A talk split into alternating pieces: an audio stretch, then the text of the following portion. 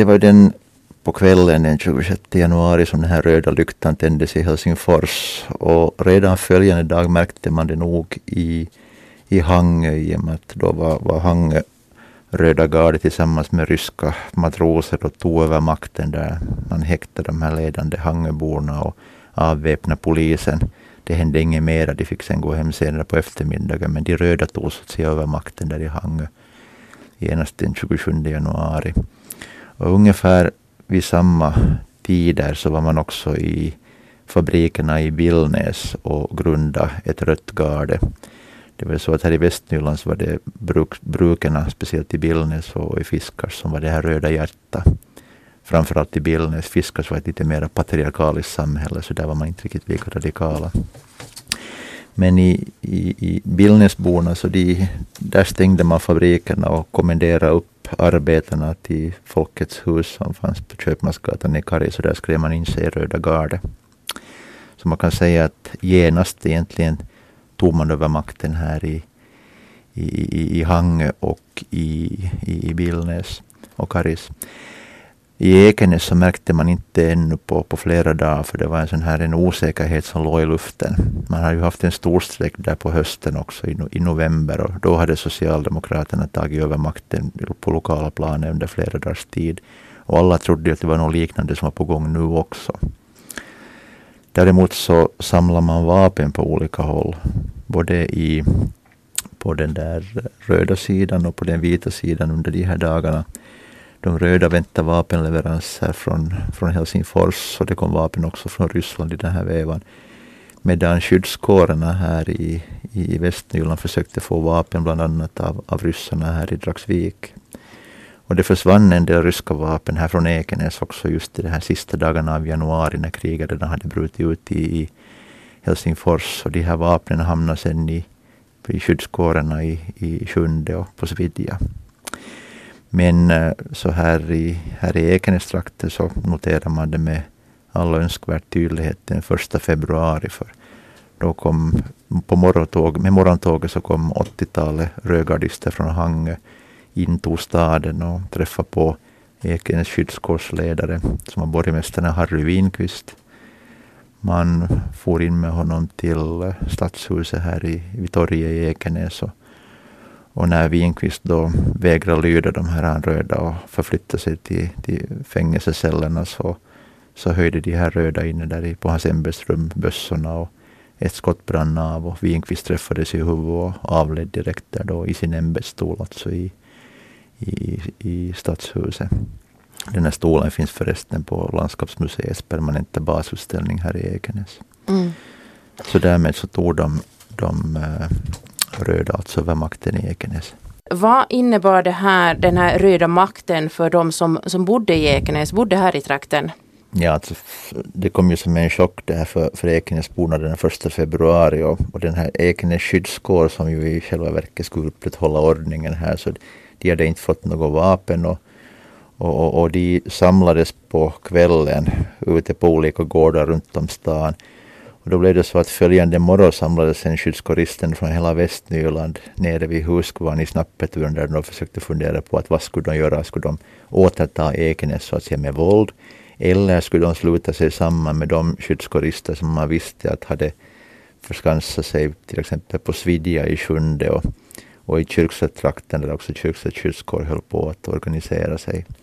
Och då beslöt man sig för att, att, att lämna Ekenäs och, och ge sig av österut. Så det, var mer än dryga hundratalet västnylänningar som här den 2 februari var på väg österut mot, mot Svidja i Sjunde. Och dit kom de inte. De hamnade sen på Sigurdsgård i Kyrkslätt för det blev så att Kyrkslätt skyddskår, så de, de försökte då organisera en trupp som skulle kunna faktiskt försvara Kyrkslättstrakten mot de här röda. Men de saknade en militär ledare och de vände sig hit till Ekenäs för det fanns en löjtnant i ryska armén som hette Armas Liljeberg som var den här skyddskårens övningsledare här. Och han accepterade då att, att eh, ta över kommando för den här kyrkslättskåren. Och han åkte till Kyrkslätt den första februari, faktiskt med samma tåg som de här Hangerögardisterna kom till Ekenäs med. Så hoppade Liljeberg på tåget och kom till Kyrkslätt. Och han valde då den här Sigurds gård, 5-6 kilometer norr om järnvägsstationen där som en sån här lämplig stödjepunkt där man skulle kunna förskansa sig och befästa sig och kunna då hålla stånd ända tills den vita regeringens trupper som leddes av Mannerheim skulle komma norrifrån. Så tänkte man sig. Så då uppstår det alltså två stycken sådana här vita skyddskårer i, i, i Västnyland. Sigurdskåren i Kyrkslätt och på Svidja i Sjunde så bildades någonting som kallades för Svidjakåren som egentligen bestod av ungdomar som var på väg norrut till Mannerheims trupper men som aldrig kom iväg eftersom de röda hade skurit av flyktvägarna dit norrut. Handlar det om lokala ungdomar eller folk från, ja, utifrån? No, främst, främst är det lokala ungdomar men det fanns nog en del Helsingforspojkar med också, speciellt i den här Svidjakåren. Ingoborna föredrog att ansluta sig till Svidjakåren också, här till, till den här Sigurdskåren. När vi pratar om Svidja, så där eh, skedde då den första eh, sammandrabbningen om vi ser på Västnyland. Det var den eh, 10 februari. Vad var det som hände där? När de här röda i Västnyland så visste vi att skyddskåristerna hade dragit sig dit. Och de samlade då sina trupper både här i Lojo och Hangö och, och, och for till Sjunde och de försökte anfalla det här Svidja de kom där på med sina bössor och, och, och avancerade mot slottet där på den här, den 10 februari. Men, men de här dryga hundratalet skyddskårister hade då där beteckning inne i slottet och, och inte, de röda kom ända upp på, på gårdsplanen där men de hade inte tillräckligt med vapen så, och inga kanoner så att det var ganska lätt att försvara den här byggnaden. Så på eftermiddagen var de här eh, skyddskåristerna tvungna då att, att dra sig tillbaka. Och, och det där i efterskott så skrev man ju nog om hur det låg. Somliga skriver 40 stupade röda, andra skriver 60 och till och med 80 stupade röda där som man hade räknat till. I själva verket var det väl fem stycken röda som stupa och en skyddskorist, en, lantbruksskoleelev från Västakvarn som hade glömt kvar ute i skogen på ett pass där som då dödades av de röda. Så här kom några av de här dödsoffren. Mm. Och vad hände sen då? Nå, eftersom de röda hotade med att komma tillbaka med kanoner så insåg man i Svedja att det där skulle man inte klara av. Och fem dagar senare så drog sig Svidjakåren österut genom skogen till Kyrkslätt så att de anslöt sig då till den här Sigurdskåren. Där det också blev strid? Då. Ja, i, på Sigurds i Kyrkslätt så fanns det kanske 600-talet skyddskårister då som, som hade tagit i bruk både Sigurds gård där var den här Ingels och Kvarnby hemmanen så att det blev ett starkt vitt fäste. Och den 21 februari så, så då hade de röda dragit ihop truppen med järnväg från olika håll och den här gången var anfallet och koordinerades från Helsingfors. Och så kom man med kanoner också till Kyrkslätt och, och började med artilleribeskjutning mot Sigurds. Och då slogs man där i, i tre, fyra dagar innan läget blev så hopplöst för de här skyddskåristerna att det såg riktigt illa ut. Men sen lyckades de med konststycket att på, på en, en kall vinternatt där lämna gården och, och hela gänget lyckades med sina hästar och slädar ta sig över Hummelvik eh, sjö ner till Obnäs, mot Porkala till Obnäs och ett stenbrott där. Och där hade man väl tänkt sig att man skulle lösa upp det här kåren och att var och en skulle få, få rädda sig bäst den kunde. Men så kom det bud om att på Makilo, McElliot, så, så fanns det väldigt, eh, lite, väldigt små trupper. Så det skulle vara en, kunna vara räddningen att om man skulle lyckas ta över den, det fortet. Och man, man grep det här halmstrået och försökte sig på att, att förhandlingsvägen komma över det där. Man försökte sig på en krigslista egentligen. Men eh, sen skedde det en kommunikationsmiss där bland Sigurdskåren så att medan förhandlingarna pågick så trodde en trupp på hundra stycken som höll sig gömda bakom en, en ö att fästningen var deras. Så att de galopperade fram över isen med tjo och kim och möttes av kulspruteeld där så att den, den äh, äh, listen så, så gick om intet. Och då såg nog läget väldigt hopplöst ut för de här eh, skyddskåristerna som var på flykt där ute i Obnäs. Och de röda som var också på väg då från kyrkset hållet det här och, och, då kunde det ha slutat hur som helst men den, eh, svenska beskickningen ingrep då och hade förhandlat fram ett, ett eh, vapen, en vapenvila och ett kapitulationsförslag som de röda hade godkänt. Och då kom den här svenska attachén Folke Malmar till, till eh, Obnäs och, och föreslog då att Sigurdskåren skulle kapitulera, ge sig som krigsfångar och under svenska beskickningens beskydd och tas till Helsingfors. Och det gick man med på så att Sigurdskåren la ner sina vapen och där i Kyrkslätt och fördes sen till Realmuseet på Elisabetsgatan i Helsingfors. Och där satt de sen som fångar under hela den här återstoden av den röda tiden. Hur många var de då? De var 467 som fördes dit som, som fångar. Riktigt alla så gav sig inte, utan speciellt från Ekenäs och nog också från Kyrkslätt och Ingo så var det en del lokala sherrybor som spände hästarna för slädorna och gav sig ut i, i havsbandet. Och sen höll de sig gömda då i fiskarkojor och till och med i skyttekojor ute i sherryn ända tills tyskarna kom och, och kriget tog en annan vändning. För de röda så vågade sig aldrig riktigt ända ut till havsbandet under den här, under den här röda tiden. Mm. Men från och med slutet av februari då så var, var så att säga hela Västnyland under röd kontroll. Vad innebar det här för, eh, ska vi säga gemene man, en västnylänning i en röd stuga ute på landet? No, I själva verket behövde det inte ha inneburit så himla mycket alls. För det var ju inte någon större krigshändelse sen som utkämpades här mera. De röda hade ju ambitionen att samhällslivet skulle fortsätta precis som tidigare. På många håll, till exempel i Ekenäs, gick ju alla tjänstemän i strejk för de vägrade då arbeta under den här nya röda regimen. Så att, att det där, de, de röda hade nog problem att få både förvaltningen och, och samhället att fungera. Men till exempel i Pujo så fungerar mycket som tidigare. Skolorna var i, i, igång riktigt som, som normalt. Så att, Eh, förutom att de röda då letade på gårdarna efter vapen och, och, och, och, mat speciellt, för det var en svår livsmedelsbrist i hela landet. Det hade varit redan före kriget. Så behövde inte ha märkt så himla mycket. För kriget det avgjordes ju på fronterna uppe i norr, då, i Tavasland norr om Tammerfors. Och det här märktes nog här i Västnyland, för under mars månad så kom det då bud att det behövs mera karlar till, till fronten. Och då var det också åtskilliga västnylänningar som, som gav sig iväg dit upp. Från Karis och Pujo så var det ja, säkert 500-600 rödgardister som deltog i striderna på sätt och vis.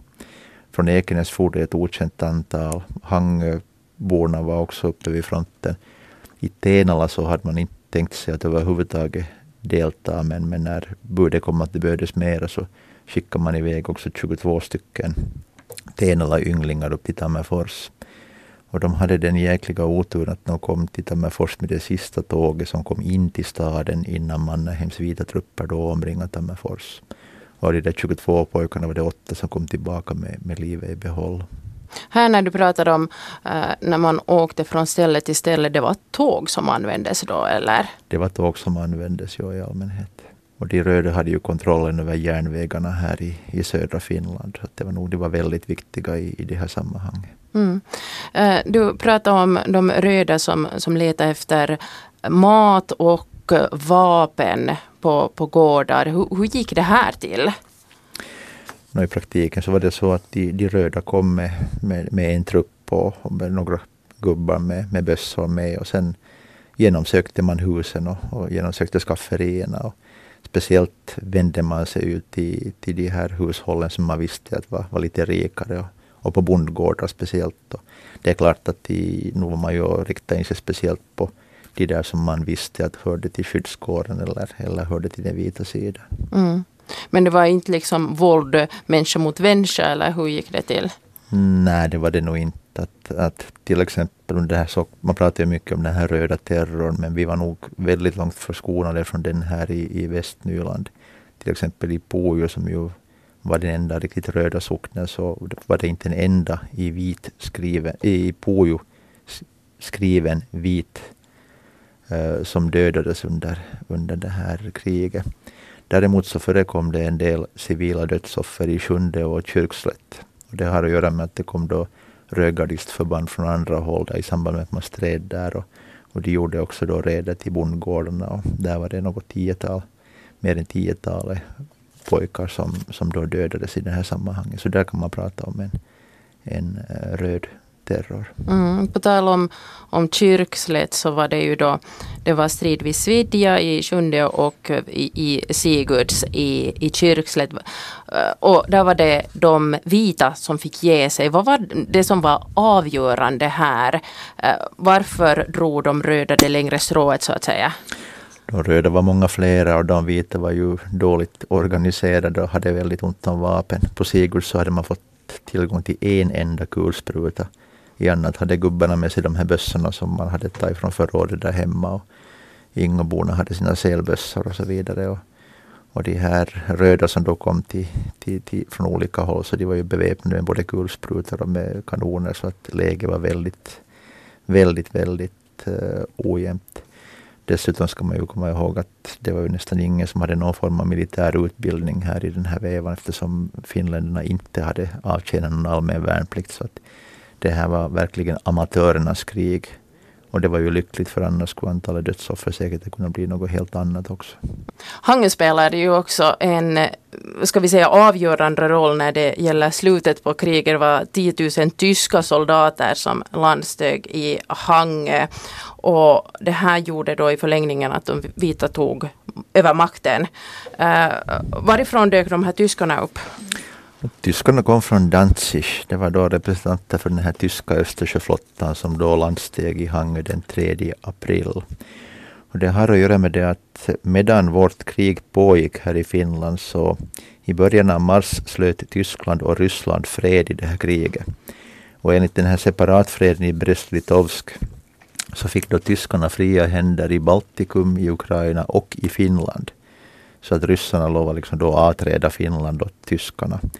Och det här märktes genast för bara två dagar efteråt så landsteg tyskarna på Åland.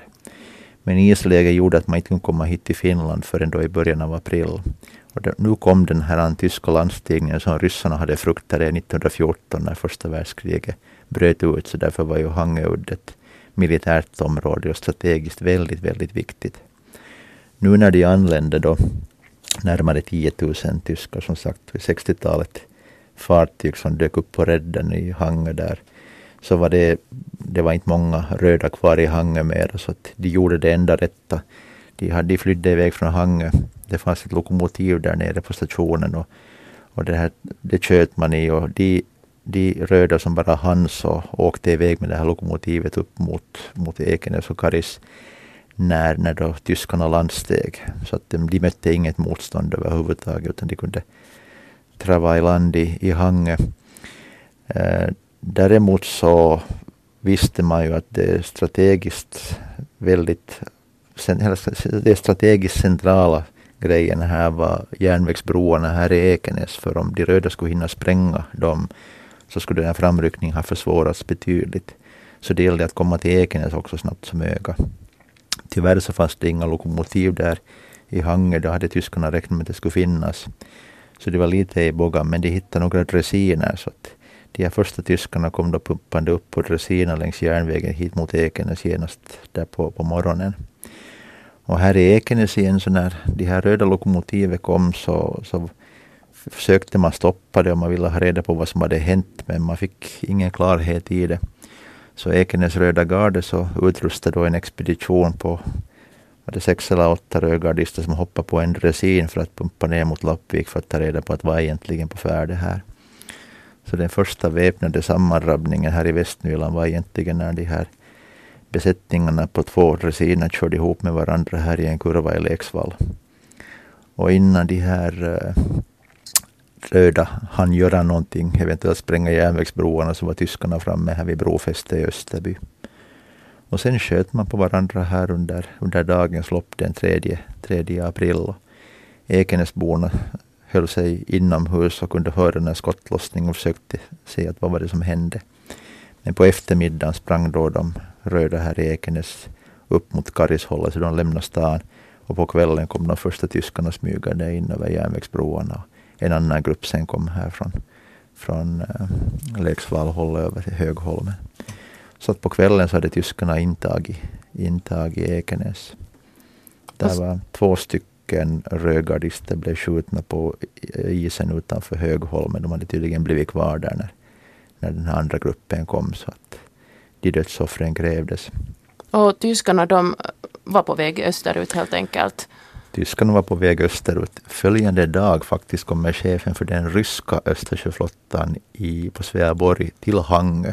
Och så förhandlar man med tyskarna om hur ryssarna då ska lämna landet i samband med att tyskarna närmar sig Helsingfors. Och så gjorde också, gjordes också. Men före det så blir det en, en ganska häftig strid vid Karis. För när tyskarna sedan avancerade den 5 april framåt mot Karis, så då hade de röda dragit ihop eh, ett okänt antal eh, man till Karis med järnväg. Det var kanske flera tusen karlar som var där till och med. Och de gjorde hårt motstånd där på mellan Svidja och Karis järnvägsstation. Så tyskarna fick faktiskt kämpa hårt där innan man på kvällen den 6 april var framme på järnvägsstationen i Karis. Och när de första tyskarna redan var inne på stationsområdet så då drog sig de röda tillbaka längs Lojo. Därför att då hade tyskarna redan sprängt banan till Helsingfors. Och med sig så tog man knappt 20-talet ledande Karis och Billnäs borgerliga, bland annat brukspatron Hisingen från Billnäs som man tog som gisslan. Den här gisslan släpptes sen några dagar senare i Lojo, så det hände ingenting med dem. Mm. Men den 6 april så var tyskarna framme i, i Karis. Och den 9 april så var man i Kyrkslätt. Sen stred man lite hårdare ut vid Alberga. Men den 12 och 13 april var man framme i Helsingfors. Och den 13 april så kapitulerade de sista röda i Helsingfors. Och Sigurdskårens mannar på Elisabetsgatan så, så blev befriade. Mm. Och 16 maj, det var då när Mannerheim ledde den här segerparaden i Helsingfors. Då. Det var, Ja, det var den 13 april som, man var fram, som tyskarna var framme och de höll också en parad följande dag så att det faktiskt dröjde då en hel månad innan Mannerheims vita trupper sedan var, var i, kunde paradera in i, i Helsingfors. Mm. För medan tyskarna då, egentligen samma dag som tyskarna tog Karis, så kapitulerade de röda för Mannerheims trupper uppe i Tammerfors. Så att det där avgörande på, på Tammerforsfronten skedde där. Och sedan fortsatte kriget mot Karelen så att Viborg föll där vid, för de vita där vid, vid Valborg. Och de sista striderna utkämpades i Kymmenedalen där i början, alldeles i början av maj. Mm. Därefter var kriget över.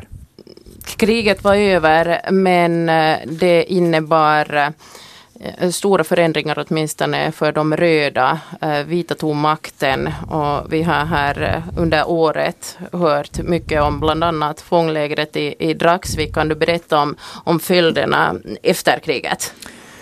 No, genast efter kriget så följde då den här vita hämnden kan man säga. De, de vita sökte upp sina röda motståndare. Under april och maj så var det en hel del av de här som då ställdes inför improviserade fältdomstolar och avrättades. Det här skedde på flera håll i, i Västnyland också. I Hangö var det fyra, fem stycken lokala röda som avrättades. I Ekenäs arkebuserades tre stycken ledande röda och också två Hangöbor, bröderna Koskinen, som man anklagar för att ha varit de som har skjutit borgmästaren. Senare på hösten så anklagar man en annan förgyllare Överström som sen faktiskt dömdes som skyldig för det här mordet. I Karisapuutrakten så var det också mer än tiotalet röda ledare som, som arkebuserades. Och dessutom organiserade man ett truppförband som man kallar för den västnyländska bataljonen som fick sitt högkvarter på Västankvarn. Och det var egentligen organiserat då för att uh, skydda Västnyland ifall att de röda skulle komma tillbaka med sina trupper när tyskarna då hade dragit vidare. Och där i månadsskiftet april-maj så gjorde den här västnyländska bataljonen tillsammans med andra skyddskårer från Västnyland reder upp till socknarna i norr mot Sammatti och Nummi, Pusula och Karisluvi, där man då sökte efter röda som, som tryckte i, i skogarna där.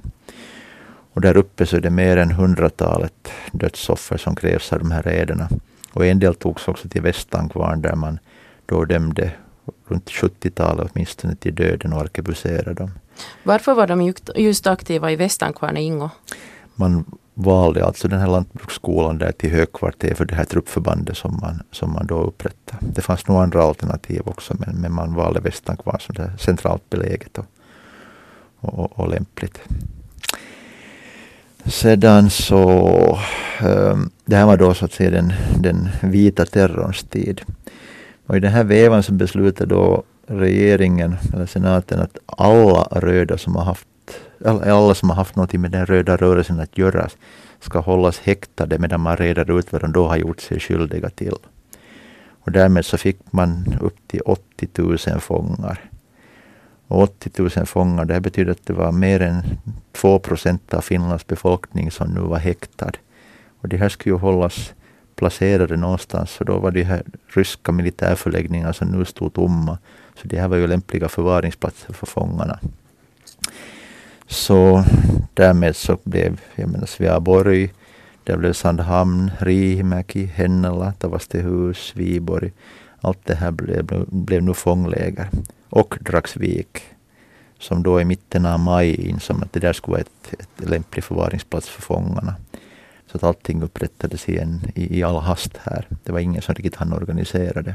Och som flest var ju de här fångarna runt midsommartiden, 24 juni. Då var det enligt officiella siffror 8597 fångar i Dragsvik. Under några månader så avled i runt tal 3000 fångar här. I juli, juli månad så i medeltal 30 personer varje dag. Mm. Hur kom det sig att det blev så här grymt som det blev? Du menar fånglägret? Mm. No, det där var nog, det bara blev så kan man säga. Myndigheterna hade nog inte insett vad de gjorde när man beslöt att, att eh, de här fångarna skulle hållas i rannsakningshäkte. Man klarade inte av att försörja dem med livsmedel.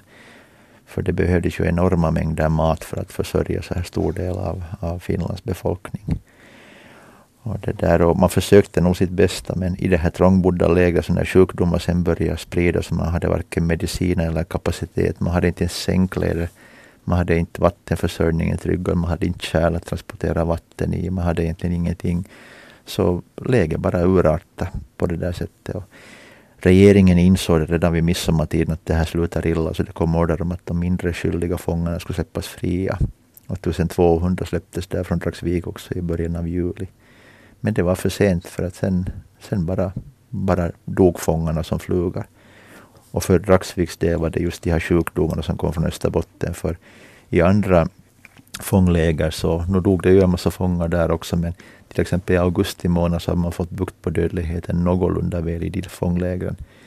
Men inte i Dragsvik, för, för av alla röda fångar så mer än hälften av alla dödsfall i augusti inträffar just här i Dragsvik.